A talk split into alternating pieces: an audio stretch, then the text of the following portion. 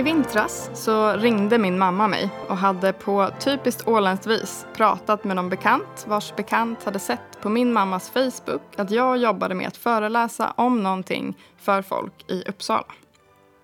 Hon bad mig att kontakta sin bekanta, för övrigt mina systrars gamla finska lärare, så att hennes bekanta kunde fråga mig om jag ville sommarprata i Ålands Radio. Självklart blev jag otroligt smickrad och tänkte genast att det här lät superkul. Ångestkvalen om vad jag skulle prata om, de kom som tur är först mycket senare. Eftersom jag är en person som ägnar en hel del tid åt att förbereda föreläsningar och sen föreläsa eller hålla lektioner så tänkte jag att det här blir en enkel match. Långt efter att jag hade tackat ja insåg jag att ett sommarprat, det ska ju vara någonting personligt, gärna lite finurligt och inte en faktafylld föreläsning med massa statistik och övningar och smarta jämförelser. Så vi får se vad det här blir. Hanna Lundberg heter jag och idag har jag den stora äran att sommarprata här i Ålands Radio.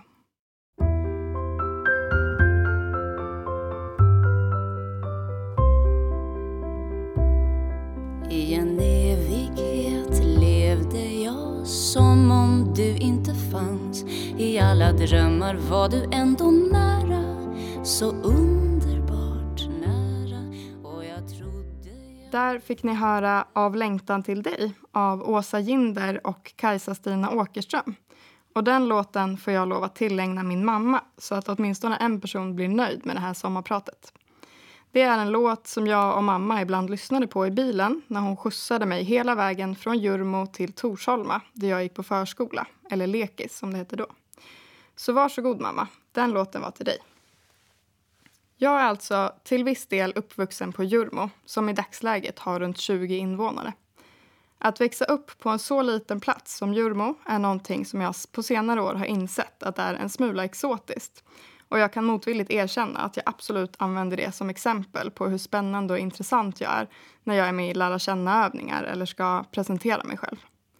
Om inte Jurmokortet funkar så är det alltid populärt att berätta att man ibland fick eh, köttfärssåsen presenterad för sig. Det här är Boris, varsågod och ät. Det fanns inte särskilt många personer, det vill säga noll, i min ålder på Jurmo. Så jag hängde framförallt med min farmor och andra personer vars totala medelålder då uppgick till kanske 73 år. Min farmor är en riktig krutgumma, så vem behöver ens vänner i sin egen ålder när man har en farmor som är fotbollsproffs och som dessutom går med på att ha hemliga picknickar på taket? Jag och min kusin Emma var ganska bra på att övertala henne på att gå med på diverse upptåg. Och det finns dessutom ingen som läser Pixie-böcker lika bra, med eller utan löständer. Det finns en låt som jag ville klämma in någonstans här i sommarpratet. Men den var svår att få att passa in naturligt. Det är en låt som märkligt nog alltid tar mig tillbaks till alla de här upptågen som ibland skulle kunna vara som tagna ur Tove Janssons Sommarboken. Här har ni Till havs med Jussi Björling.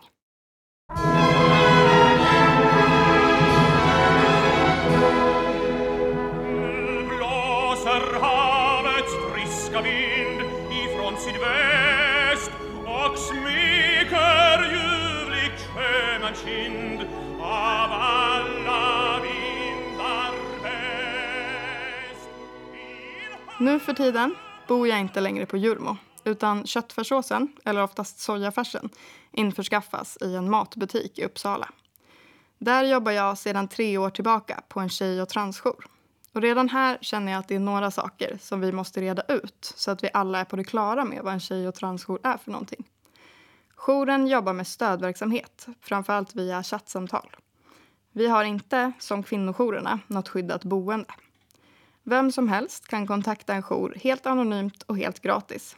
Vi vänder oss till alla tjejer, oavsett om du är cis-tjej, alltså fick könsidentiteten tjej tilldelad vid födseln och tycker att det känns rätt soft, eller om du är transtjej, alltså fick könsidentiteten kille tilldelad vid födseln och senare har börjat identifiera dig som tjej. Vi vänder oss också till alla som är trans, oavsett om du då är transtjej, transkille eller icke-binär. Ett samlingsbegrepp för alla som inte identifierar sig som 100% tjej eller 100% kille. Det finns också flera jourer. Vissa vänder sig bara till tjejer, andra bara till killar och vissa till alla ungdomar, oavsett könsidentitet. Vem du än är, var du än bor och vad du än har för problem eller funderingar så finns det jourer med volontärer som vill lyssna på dig. Och det är någonting som jag tycker är himla bra. Som jag sa i början så fick jag en smula ångestkval inför vad tusan jag hade att säga som var så intressant att det fick hedersplatsen Sommarprat i Ålands Radio. Det kanske är lite motsägelsefullt egentligen med tanke på att jag praktiskt taget jobbar med att prata och ta upp folks tid för att berätta saker som jag tycker är viktiga oavsett vad de som lyssnar tycker. Det kanske inte låter som världens mest sympatiska arbete så låt mig gärna utveckla det lite innan du bara stänger av din radio. Mitt jobb handlar om att förebygga våld, eller i alla fall försöka. Och redan där tycker åtminstone jag att det låter lite mer sympatiskt.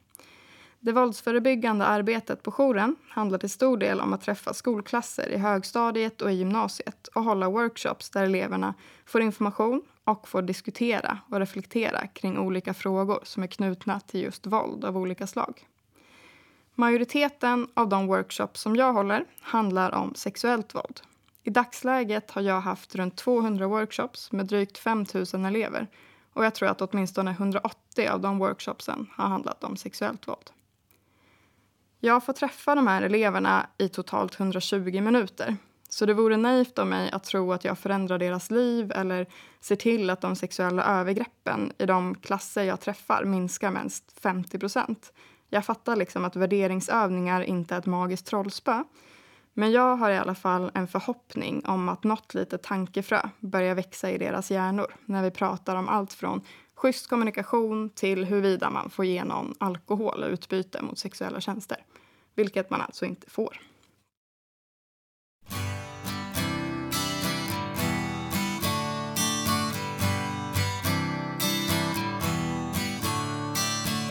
Don't you know we're talking about a revolution sounds whisper. Don't you know we're talking about a revolution där fick ni höra Talking about a revolution av Tracy Chapman. Ibland när folk får höra att eh, jag arbetar med att förebygga sexuellt våld, eller ja, i alla fall försöka, så blir de hemskt nyfikna på vad jag själv har varit med om som har gjort att just jag har blivit så himla intresserad av det här. Som att det inte räcker med att veta hur vanligt det är med sexualbrott eller att typ ha gått i högstadiet. Så idag tänkte jag faktiskt att jag ska prata lite om hur jag fick upp ögonen för det jag idag jobbar med. Men innan det så tänkte jag dra en av de här smarta jämförelserna som jag sa i början att jag skulle försöka låta bli. Men jag vill ändå göra det för att förklara vad som är så viktigt med våldsförebyggande arbete. Och till min hjälp så tänkte jag ta de klassiska stjärnorna Pelle och Stina. Pelle och Stina är fem år. Pelle tar Stinas mössa. Stina blir ledsen och berättar för sin mamma. Mamma säger att Pelle nog bara är kär i Stina. Pelle får inga konsekvenser för att han tog Stinas mössa.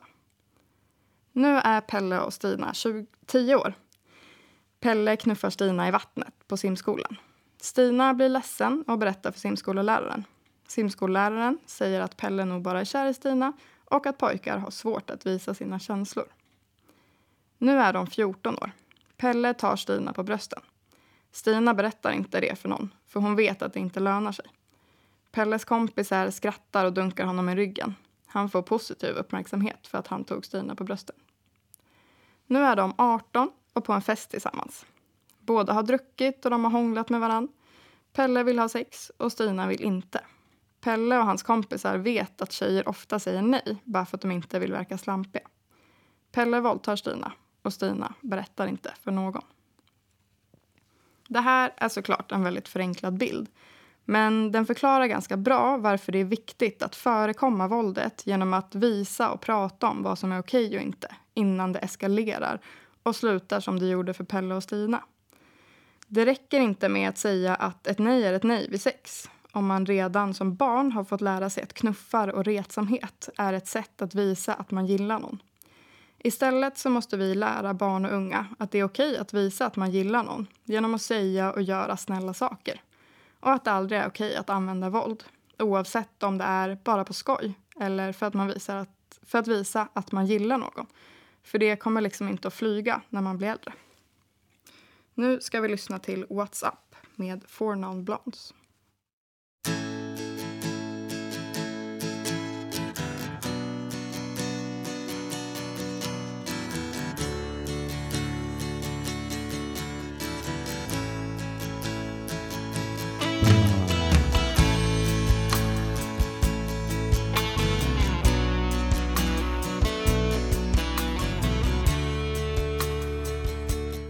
Hanna Lundberg heter jag och du lyssnar på mitt sommarprat i Ålands Radio. Arbetet mot våld och arbetet för jämställdhet går oftast hand i hand. Särskilt när det gäller sexuellt våld. Och egentligen så började mitt intresse för jämställdhet ganska tidigt. Även om jag har funderat på det och uttryckt det på många olika sätt. Mer och mindre intelligenta kanske. Till exempel så tog det mig till en bit in på gymnasiet innan jag började kalla mig för feminist. Det är egentligen inte särskilt sent, men med tanke på hur intresserad jag var av jämställdhetsfrågor och att många nära och kära kallade sig feminister redan så kanske jag borde ha fått upp ögonen för det här ordet lite, lite tidigare. Den första gången som jag minns att jag reagerade på att något var orättvist det var när jag i fyran flyttade från Jurmo till Lumpaland och därmed också bytte skola. Den första dagen på den nya skolan ville en av killarna ge mig en lång och väldigt närgången välkomstkram. Något jag själv inte alls ville ha. Jag hade dessutom inte i hela mitt liv träffat en jämnårig kille som ville kramas. Så redan där blev jag hemskt obekväm. Min reaktion blev helt enkelt att knuffa bort den här killen för att slippa kramas. Någonting jag fortfarande tycker var ganska rimligt. Samma eftermiddag fick min mamma ett telefonsamtal där min be lärare berättade att jag var alldeles för aggressiv till skillnad då från killarna som lekte, lekte krig och slog varandra med pinnar. Jag skulle nog må bra av att eh, börja på kampsport för att få ut alla aggressioner. Känner en kvinna som är chef på värsta storbolaget. Hon skördar lik med sina klackar, hon är riktigt farlig. Hon var blyg när vi var små, så lite märkligt är det. Alla säger att hon särat benen. En annan brud i samma klass, som blev fan ingenting. Hon bor kvar i samma stad, skaffat husfamilj. Där fick ni höra Småtjejer av Linnea Henriksson. Jag började aldrig på någon kampsport. Troligtvis till viss del för att förslaget inte föll i särskilt god jord hos min mamma. Däremot är jag idag instruktör i feministiskt självförsvar. Eh, det vill säga, jag lär ut det beteende som jag hade redan som tioåring och som då var helt oacceptabelt. Jag kan ändå önska att jag hade gått på feministiskt självförsvar eller varför inte någon kampsport när jag var liten. Kanske hade det kunnat lindra den här rädslan som jag och många med mig känt så många gånger på väg hem mitt i natten när man går med nycklarna krampaktigt i handen och låtsas prata i en telefon som sedan länge har slut på batteri. Rädsla är också någonting som kan påverka hur du reagerar under ett övergrepp. På Södersjukhuset i Stockholm så gjorde man 2016 en undersökning bland våldtäktsoffer och det visade sig att 70 procent av de som hade blivit utsatta hade drabbats av något som kallas för frozen fright. Det är en instinktiv reaktion som gör att kroppen liksom stelnar till och paralyseras för att man blir rädd. Kroppstemperaturen sjunker, ögonen sluts och man börjar skaka. Instinkter går såklart inte att styra över och därför är det extra viktigt att tänka efter en eller gärna fem gånger innan man ifrågasätter varför någon inte gjorde fysiskt motstånd vid ett övergrepp. Och även om det här låter ganska mörkt så går det faktiskt att träna på situationer för att minska risken för att man ska bli överrumplad och drabbas av frozen, fr frozen fright. Och det är det vi gör i Feministiskt självförsvar. Sen jag började träna det här självförsvaret har jag lärt mig många saker. Men det är särskilt en som har fastnat. Hjärnan fattar inte ordet inte. Så ett tips från mig till dig som går hem på kvällen och känner dig rädd. Tänk inte, jag är inte rädd. Tänk istället, jag är jävligt stark och snabb. Även om du inte är det i vanliga fall så är du det garanterat med en massa adrenalin pumpades i kroppen. Bara den tanken att du är stark och snabb kan göra att du rätar på ryggen och går mer självsäkert. Vilket dessutom gör att man ser att du inte är en person man ska jäklas med.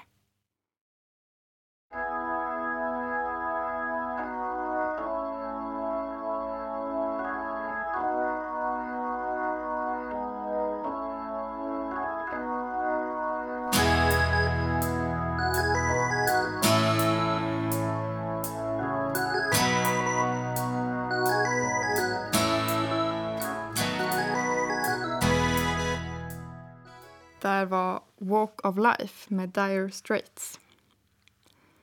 Som sagt började jag redan i tioårsåldern fundera lite kring det här med att tjejer och killar behandlas olika. Men det var i slutet på gymnasiet som jag började tänka på och prata om de här frågorna på allvar. Det var inte alltid så uppskattat att vara feministen som alltid tog upp ämnen kring jämställdhet. Eh, och det gav mig såklart ännu mer anledning att ta upp de här ämnena så ofta det bara gick. Det var också vid den här tiden som jag började bli riktigt förbannad. För det var då jag insåg att så mycket som jag och mina vänner hade varit med om inte alls var okej. Även fast vuxenvärlden betedde sig som att det var okej. Eller helt enkelt låtsades som att det inte hände. Som i högstadiet när klasskompisarna tafsade under lektionstid. Rakt framför näsan på lärare som inte sa ett ord om vad som hände. Idag när jag är i klasser och vi pratar om sexuella ofredanden, som ju faktiskt är ett brott, så är det oftast ganska tydligt vilka som har utsatt och vilka som har blivit utsatta. För när vi pratar om huruvida man får tafsa eller skicka dickpics är det alltid några som vrider på sig och ser otroligt obekväma ut. Och några som blir eld och lågor och frågar om det faktiskt är sant att man kan polisanmäla det här. Ni får själva gissa vilka som är vilka. Jag önskar att någon hade berättat för mig när jag började högstadiet att det faktiskt är olagligt att tafsa eller att skicka dickpics för den delen. Men jag är tack och lov lite för gammal för att ha blivit utsatt för så högteknologiska ofredanden. Idag när jag träffar högstadie och gymnasietjejer så blir jag så imponerad av dem för att de orkar och vågar ta kampen. De som kallar sig feminister och som anmäler till skolan och till polisen när deras klasskompisar tafsar, skickar dickpics eller till och med hotar dem med våldtäkt på sociala medier. Med dem på barrikaderna så tror jag definitivt att vi är på väg mot en väldigt mycket vettigare framtid. Nu ska vi lyssna på Go your own way av Fleetwood Mac.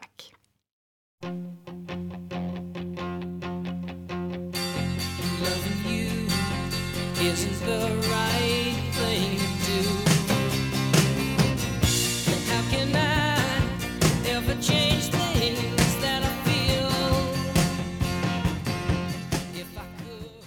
När jag äntligen hade tagit studenten trodde jag att jag var färdig med personer som gjorde sig lustiga över det faktum att jag var feminist. Alldeles, alldeles jättefel visade sig att jag hade. Några dagar efter att jag hade tagit studenten så började jag jobba med biljettförsäljning på en färja. Och det första mina kollegor gjorde klart för mig det var att såna där kvinnosakskvinnor, de har ingenting på sjön att göra. Jag bet ihop och tänkte, ja okej, okay, jag är bara lite tyst den här sommaren, tjänar lite pengar och sen så är det över.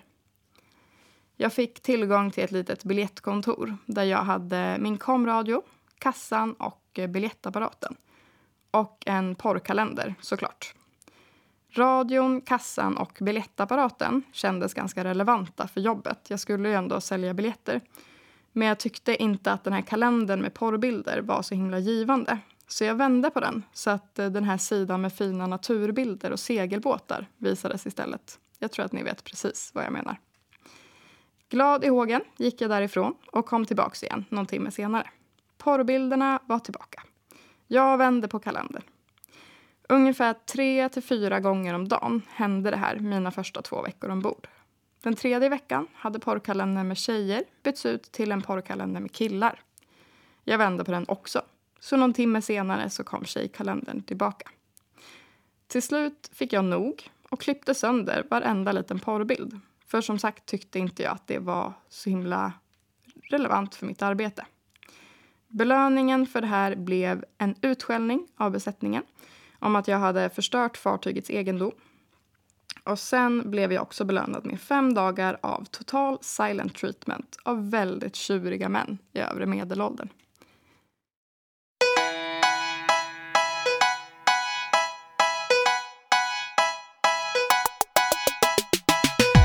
Inside. Look inside your tiny mind then look a bit harder.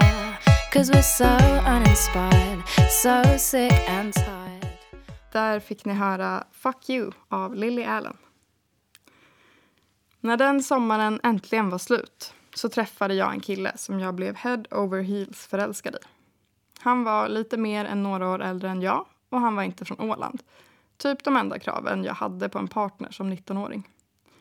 Ganska snabbt blev vi ihop och det blev ett förhållande som var kantat av kontroll och svartsjuka.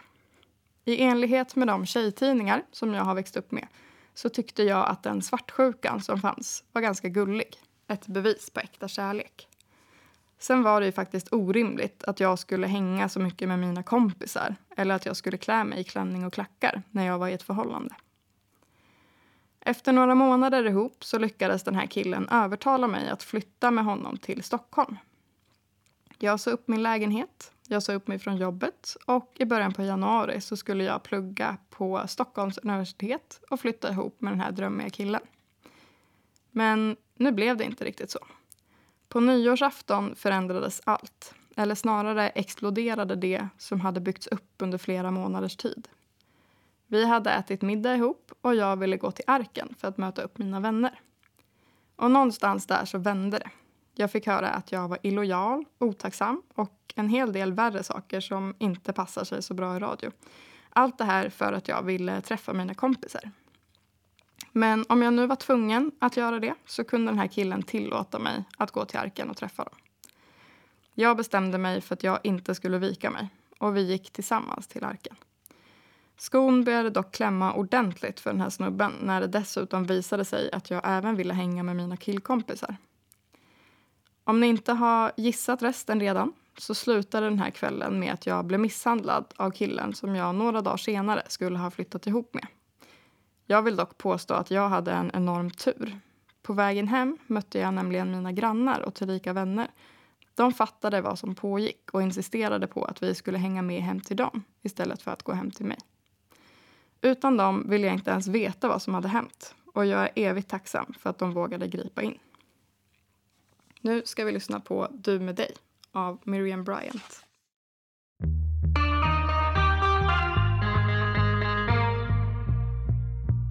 Mm. Jag har vänt på varje kullersten i den här staden Jag har väckt en björn som sover och har hållit den vaken Jag sist på det blev inget Stockholm för mig.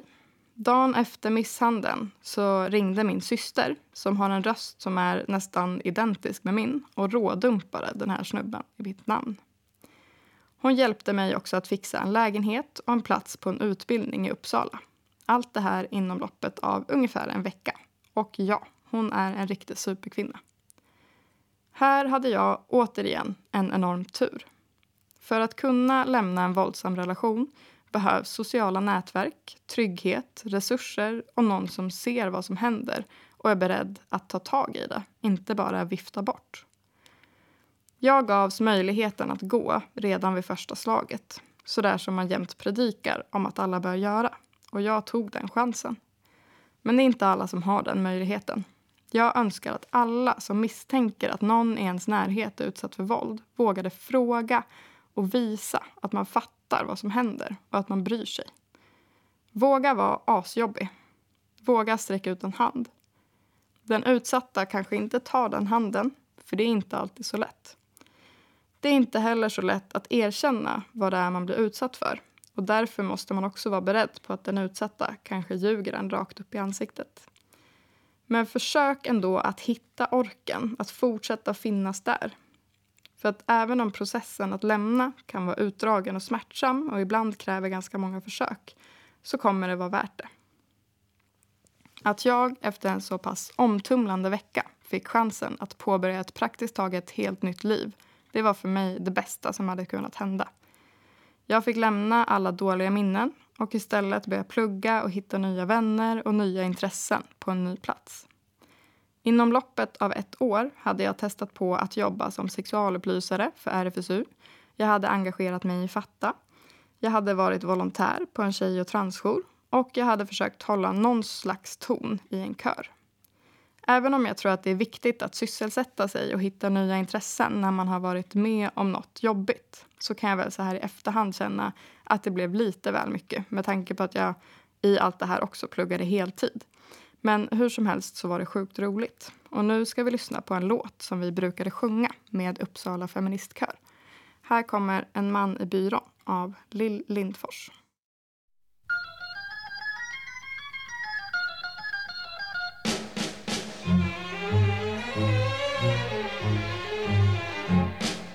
Vad en man kan vara härlig och så plötsligt så besvärlig Ärligt sagt förfärlig, ja ni vet det var slumpen som förde mig till just Uppsala. Men att jag har valt att jobba med frågor som handlar om våld, det är inte särskilt slumpartat. Nu har jag berättat om vad det var som väckte mitt intresse för det jag jobbar med idag och hur jag hamnade där. Och jag tycker att det är dags att prata lite mer om vad det är jag sysslar med i dagsläget egentligen. Jag träffar klasser i högstadiet och gymnasiet och vi pratar om ömsesidighet vid sex och om sexuellt våld. Två ämnen som ligger nära varann trots att de är varandras motsatser. Ni som redan har lyssnat ett tag har nog förstått varför jag tycker att dessa ämnen är viktiga. Och för er nytillkomna lyssnare behöver jag numera bara säga två små ord för att ni ska förstå. Metoo. Metoo var hashtaggen som tog flertalet länder, bland annat Sverige, med storm. Plötsligt hände det något som gjorde att så många vågade och orkade dela med sig av sina berättelser. Den skam och tystnad som så länge har suttit i ryggmärgen på många av oss som blivit utsatta, den släppte något och istället växte en styrka fram i gemenskapen. Man fick äntligen höra någonting som man har längtat efter så länge. Du är inte ensam och det är inte ditt fel. Den stora snackisen blev plötsligt att alla har rätt till sin egen kropp.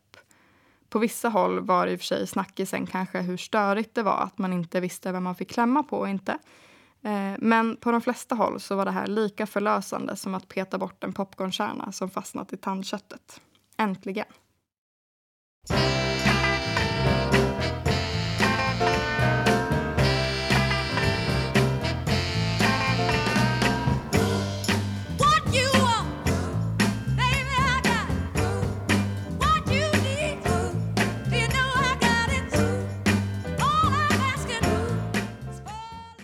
Där fick ni höra Respect av Aretha Franklin. Vi som jobbar på jourer har sedan länge fått höra berättelser om övergrepp som aldrig blir anmälda. Vi får höra om hur den utsatta inte blir lyssnad på eller tas på allvar. Så för oss var metoo inget nytt och jag kan ärligt säga att jag först blev lite överraskad över hur stort genomslag det här fick. Var det verkligen nyheter? Så här i efterhand kan jag dock verkligen, verkligen se att det här var nyheter. Det var liksom en lavin av berättelser som kom från alla håll. Personer man trodde man visste allt om berättade plötsligt om saker man inte hade en aning om. Man fick veta att personer man kände hade utsatt andra för övergrepp. Allt var helt enkelt lite kaos där ett tag. Och det här kaoset var viktigt. Det behövdes för att visa hur verks- verkligheten faktiskt ser ut. Den är inte välordnad eller superhärlig alla gånger. Jag är så himla tacksam för alla som vågade berätta. Det finns otroligt många myter och föreställningar om vad sexuella övergrepp är. Och de här myterna har länge dikterat vad folk väljer att berätta eller inte och framför allt vad folk väljer att tro på eller inte. Sanningen om verkligheten behövde komma fram och äntligen fanns det ett forum, en enkel hashtag, för att lyfta på locket. När jag är ute i skolor så brukar vi fråga eleverna vad de associerar med ordet våldtäkt. Ofta kommer följande saker upp. Man. Ful gubbe. Parker. Natten. Mörker. Psykopat. Konstig. Utstött. Överfall. Pepparspray. Våld. Gammal gubbe mot ung tjej. Och om det här är föreställningen du har om en våldtäkt, vad händer då om du blir utsatt av en ung person? Om du blir utsatt av en tjej? Om du själv är kille och blir utsatt? Om det inte förekom något våld? Om du inte fick några skador? Om förövaren inte alls verkade vara psykopat utan är aspopulär i skolan? Om du blev utsatt hemma eller i en relation? Eller om du kanske inte kunde göra motstånd för att du drabbades av frozen fright? Då kanske du inte kommer att anmäla.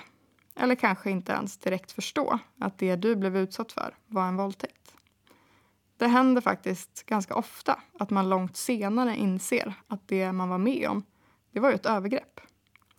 Och hur lätt är det att berätta om det du själv har varit med om om det inte passar in i mallen för vad andra tror och tycker att en våldtäkt är?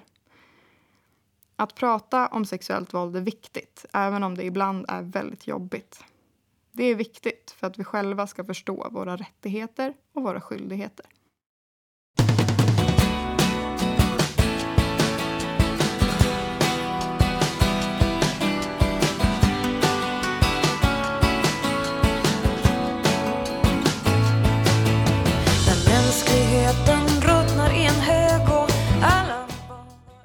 Där hörde ni låten Fredrik av Säkert.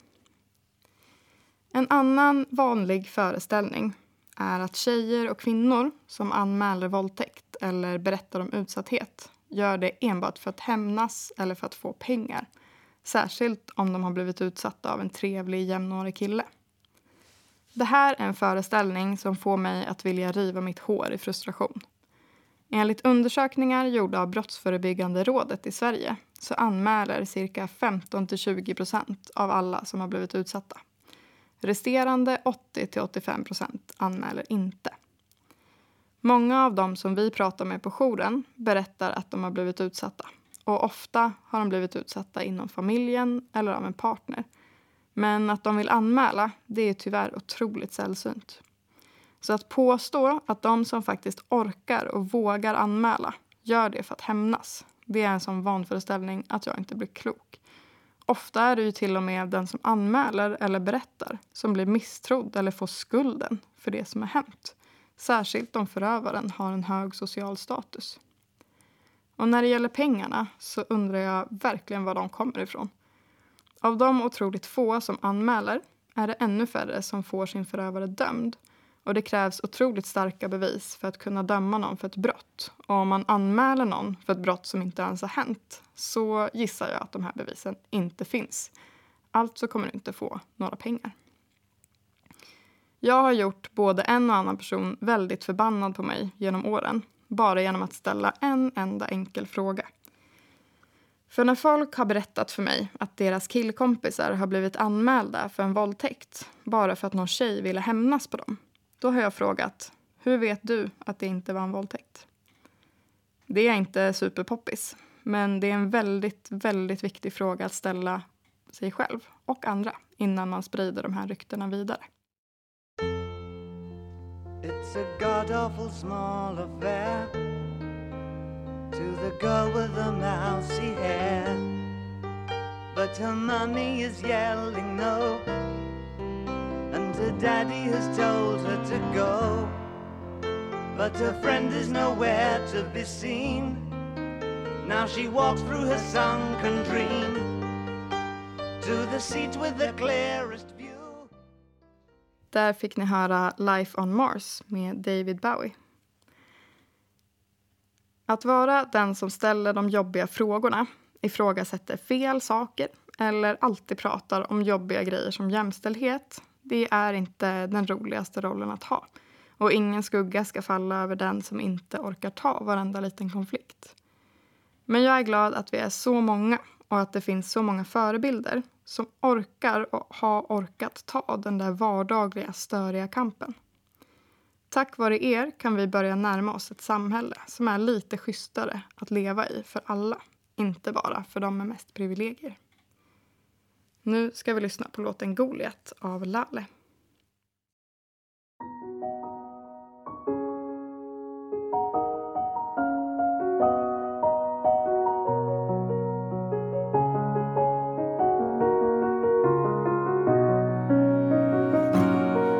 Vad var det vi sa när vi sträckte ut våra armar? Vad var det vi sa. En sista myt som jag vill att vi begraver det är myten om att en våldtäkt förstör någons liv. Det kan låta sympatiskt till en början att säga så, som att man förstår den utsattas lidande. Men att säga att en förövare förstör någons liv det är ju också att ge den personen alldeles för mycket oförtjänt makt. Livet kan gå vidare och det finns massor av hjälp att få.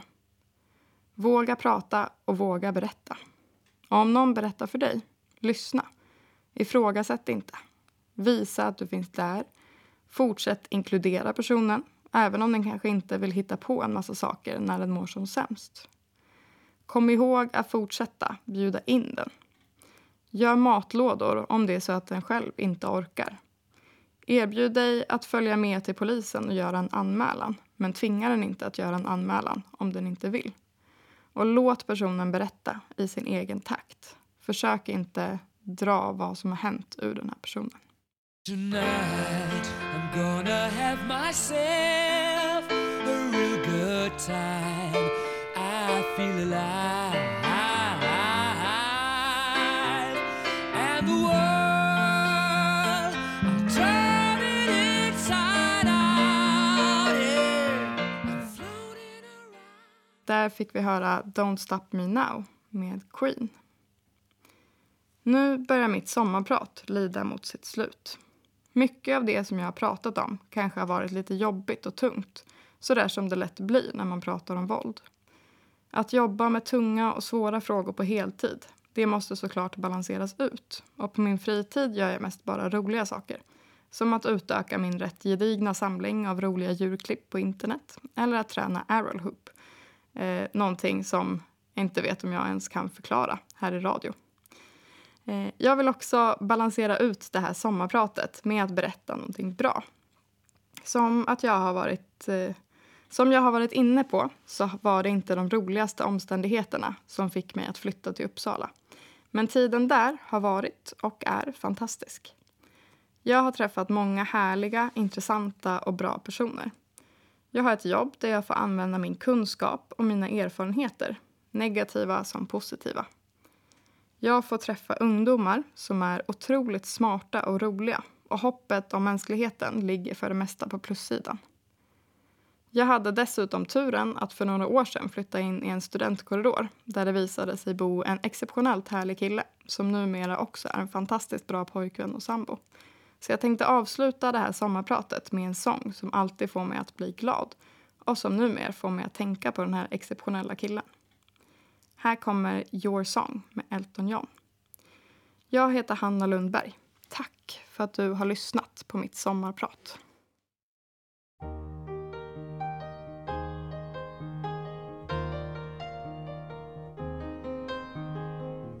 It's a little bit funny, this feeling inside. I'm not one of those who care easily hide. I don't have much money, but boy, if I did, I'd buy a big house where